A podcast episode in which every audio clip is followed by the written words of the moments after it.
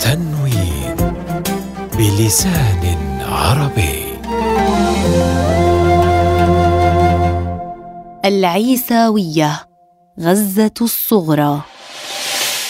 نفسي أضم أولادي زي ما زي ما كنت أحضنهم وهم صغار أحضنهم وهم كبار. يعني أنا من عمرهم 13 و14 سنة ما عاشوا عندي ما, ما, عاشوش لا طفولة ولا عاشوا شباب. هلأ كلياتهم في الأربعينات عمرهم. بدي أحضنهم بدي بدي أشم ريحتهم بدي أعيش بدي أطعميهم من تحت إيدي زي ما كانوا زمان يحبوا أكلي. بدي اجتمع فيهم. تجمعنا هالدار لولا أيام. المسؤول عن العيسوية حكالي أنا مش راح أخليك تعيشي مع أولادك راح أخليك تضلي محرومة منهم. ما راح أخليكم تجتمعوا مع سوا ولا مرة.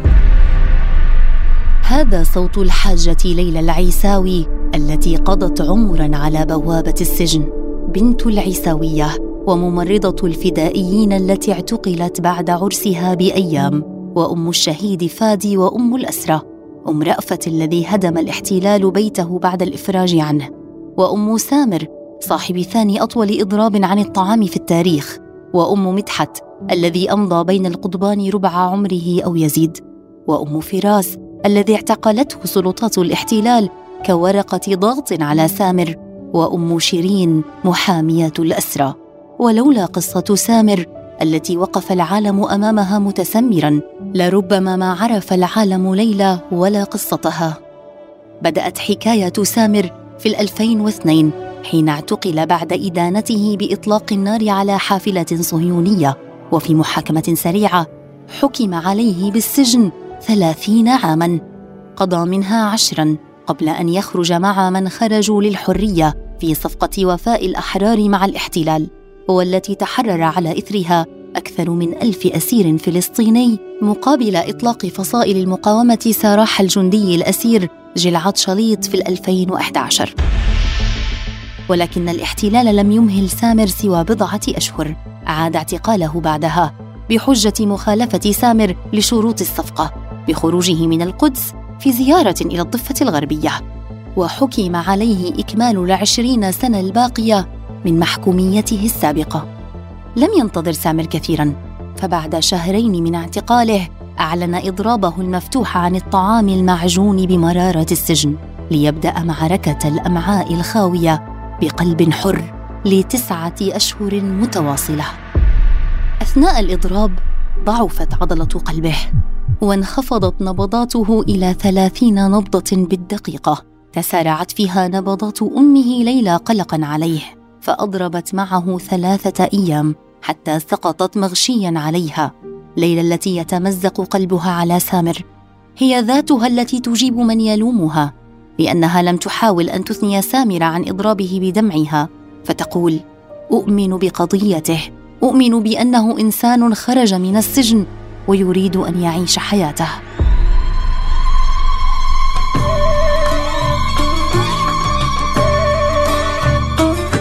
وانتصر سامر بالفعل في نيسان عام 2013 فبعدما شهده العالم من صموده اضطر الاحتلال للرضوخ فوافق على إطلاق سراحه بعد ثمانية أشهر من تاريخ الاتفاق. ولكن الاحتلال أعاد الكرة واعتقل سامر للمرة الثالثة وبذات الحجة. فسامر ومدحت أولاد ليلى العيساوي ما زالا أسيرين حتى اللحظة. مر أكثر من ثلاثين عاما وليلى تتمنى لمة أولادها حواليها كما يقال. تعامل مع الأسرى يعني بحكي لك من 87 لليوم وبيتي زي ما انت شايفتيه فاضي غرفهم فاضية. بدخل فيها بصير أحكي مع نفسي أحكي مع صورهم أحكي أطلب من الله إنه يجمعني فيهم أعيش معاهم. يعني هالسنين اللي أو هاللحظات اللي ضايقت لي من عمري. نحن دائما بنضل نقول اللي بده وطن بده يضحي. والحمد لله رب العالمين. تنتمي هذه العائلة وعشرون ألف فلسطيني آخرون تقريبا إلى بلدة العيساوية في شمال شرق القدس المحتلة على سفوح جبل المشارف الشرقية الذي تتشاطره البلدة مع جبل الزيتون. وهي البلدة المحاصرة بتلال ثلاث بين الجامعة العبرية وإذاعة الجيش الصهيوني ومستشفى هداسة ومستوطنة التلة الفرنسية ومعسكر للجيش الصهيوني لا يبعد سوى بضعة أمتار فقط عن بيت ليلى. العيسوية لا شك مشتق من عيسى ولكن الروايات اختلفت في من هو عيسى فيقال أنه نسبة إلى عيسى عليه السلام حيث كان يجلس تحت شجرة خروب اشتهرت فيها البلدة مع حواريه أو أنه نسبة لعيسى العوام الغواص الشهير في عهد صلاح الدين الأيوبي والذي قيل أنه سكن فيها زمنا وكان شهيرا بالأمانة والسرعة في تأديتها. كان قدر العيسوية أن تكون ضحية خاصة من ضحايا نكبة فلسطين عام 1948 لأنها بلدة حدودية. فخلال معركة القدس شد مقاتلو جيش الجهاد المقدس بقيادة عبد القادر الحسيني الذي سنتحدث عنه أكثر في حلقة قادمة. ومن ثم الجيش الأردني الخناق على جيب الجامعة العبرية. وبعد انتهاء القتال تم توقيع اتفاقية جبل المشارف. أو ما يسميه الصهاينة جبل سكوبس بين الأردن والصهاينة على اعتبار العيساوية منطقة منزوعة السلاح والذي شمل سلاح الثوار الفلسطينيين وتخضع لرقابة الأمم المتحدة في حينها ولكن الاحتلال لم يحترم هذا الاتفاق واعتبر البلدة جزءا من جبل المشارف الذي ظل تحت سيطرته بعد الحرب. وسكن الجنود الصهاينة في مباني الجامعة وتخفوا على هيئة شرطة التفافا على الاتفاق. وفي المحصلة لم ينزع إلا السلاح الفلسطيني فقط حتى احتلت كل القدس في حرب الأيام الستة عام 1967 جيتو فلسطيني.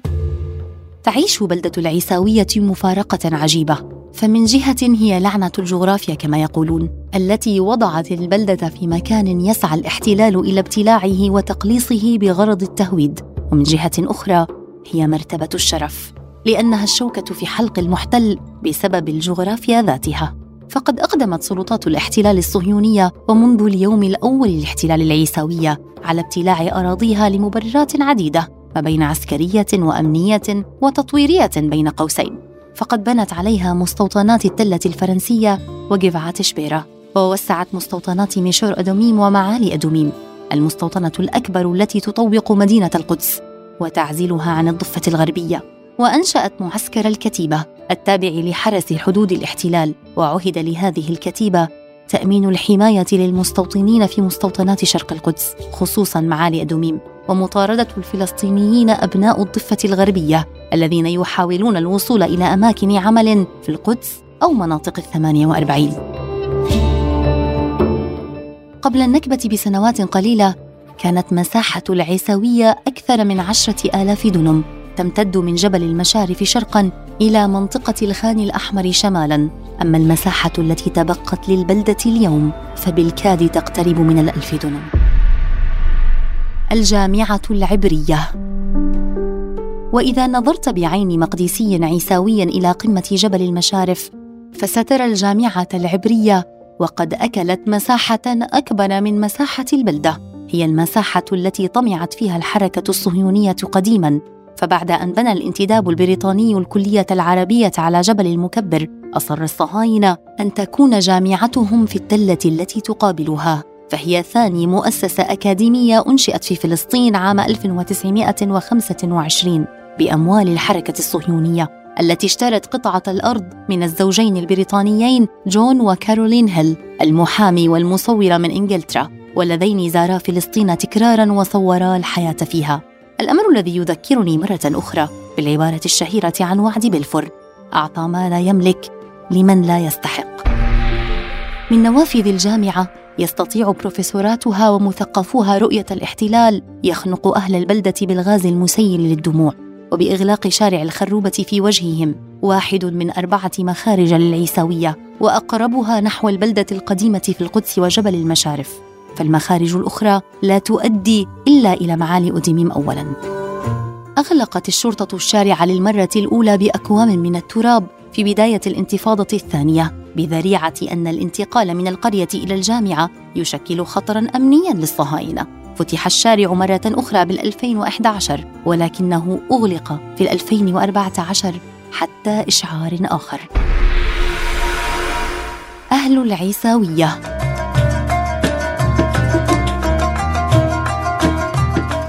لبلدة العيساوية علامتان مميزتان تعكسان صمود أهلها. خروبة العشرة كما يسمونها والمئذنة الذهبية. ففي البلدة شجرة خروب قديمة. يعتقد أن عمرها يصل لأكثر من 700 عام. كان يتم إضاءة الخروبة باستمرار خاصة أيام الخميس والاثنين والمناسبات الإسلامية. وتضاء بفتيل بزيت الزيتون أو زيت السمسم خاصة في شهر رمضان. حاولت جرافات العدو الصهيوني اجتثاثها أكثر من مرة. وعلى مشهد من أهالي القرية انقلبت الجرافات على عقبيها وبقيت خروبة العشرة.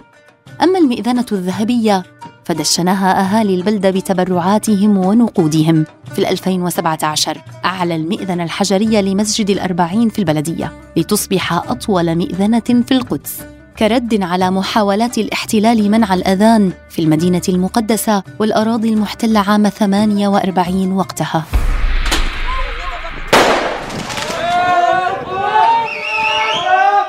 في هبة القدس في 2015 اعتقلت قوات الاحتلال الفتية والشبان بالمئات وفقد 15 شخصا منهم إحدى عينيه.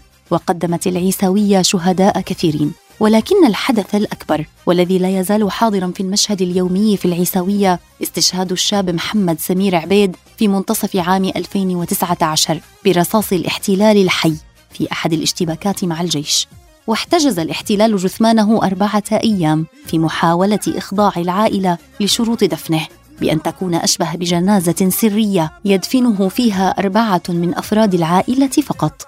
لكن والده رفض شروط المحتل حتى رضخ وسلم جثمانه للعائلة ليزفه أهالي البلده بعرس يليق بشهادته وسمي أحد أحياء العيساويه باسمه.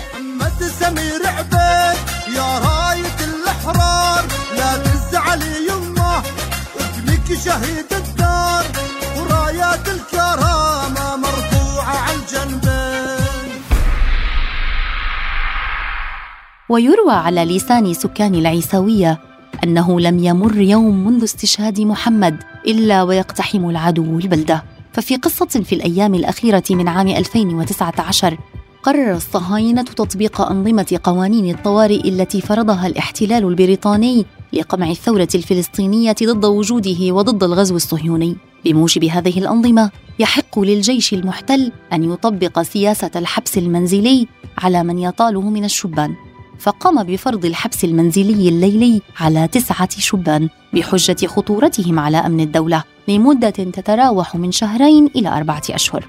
والحبس المنزلي الليلي يعني أن يتم تحويل بيوت المقدسيين إلى سجون ويتم توكيل عوائل الشبان بمهمة مراقبة أبنائهم ومنعهم من الخروج من الثامنة مساء حتى السادسة صباحا. لكن الشبان التسعة رفضوا وقرروا الاعتصام ليلا في وسط البلدة.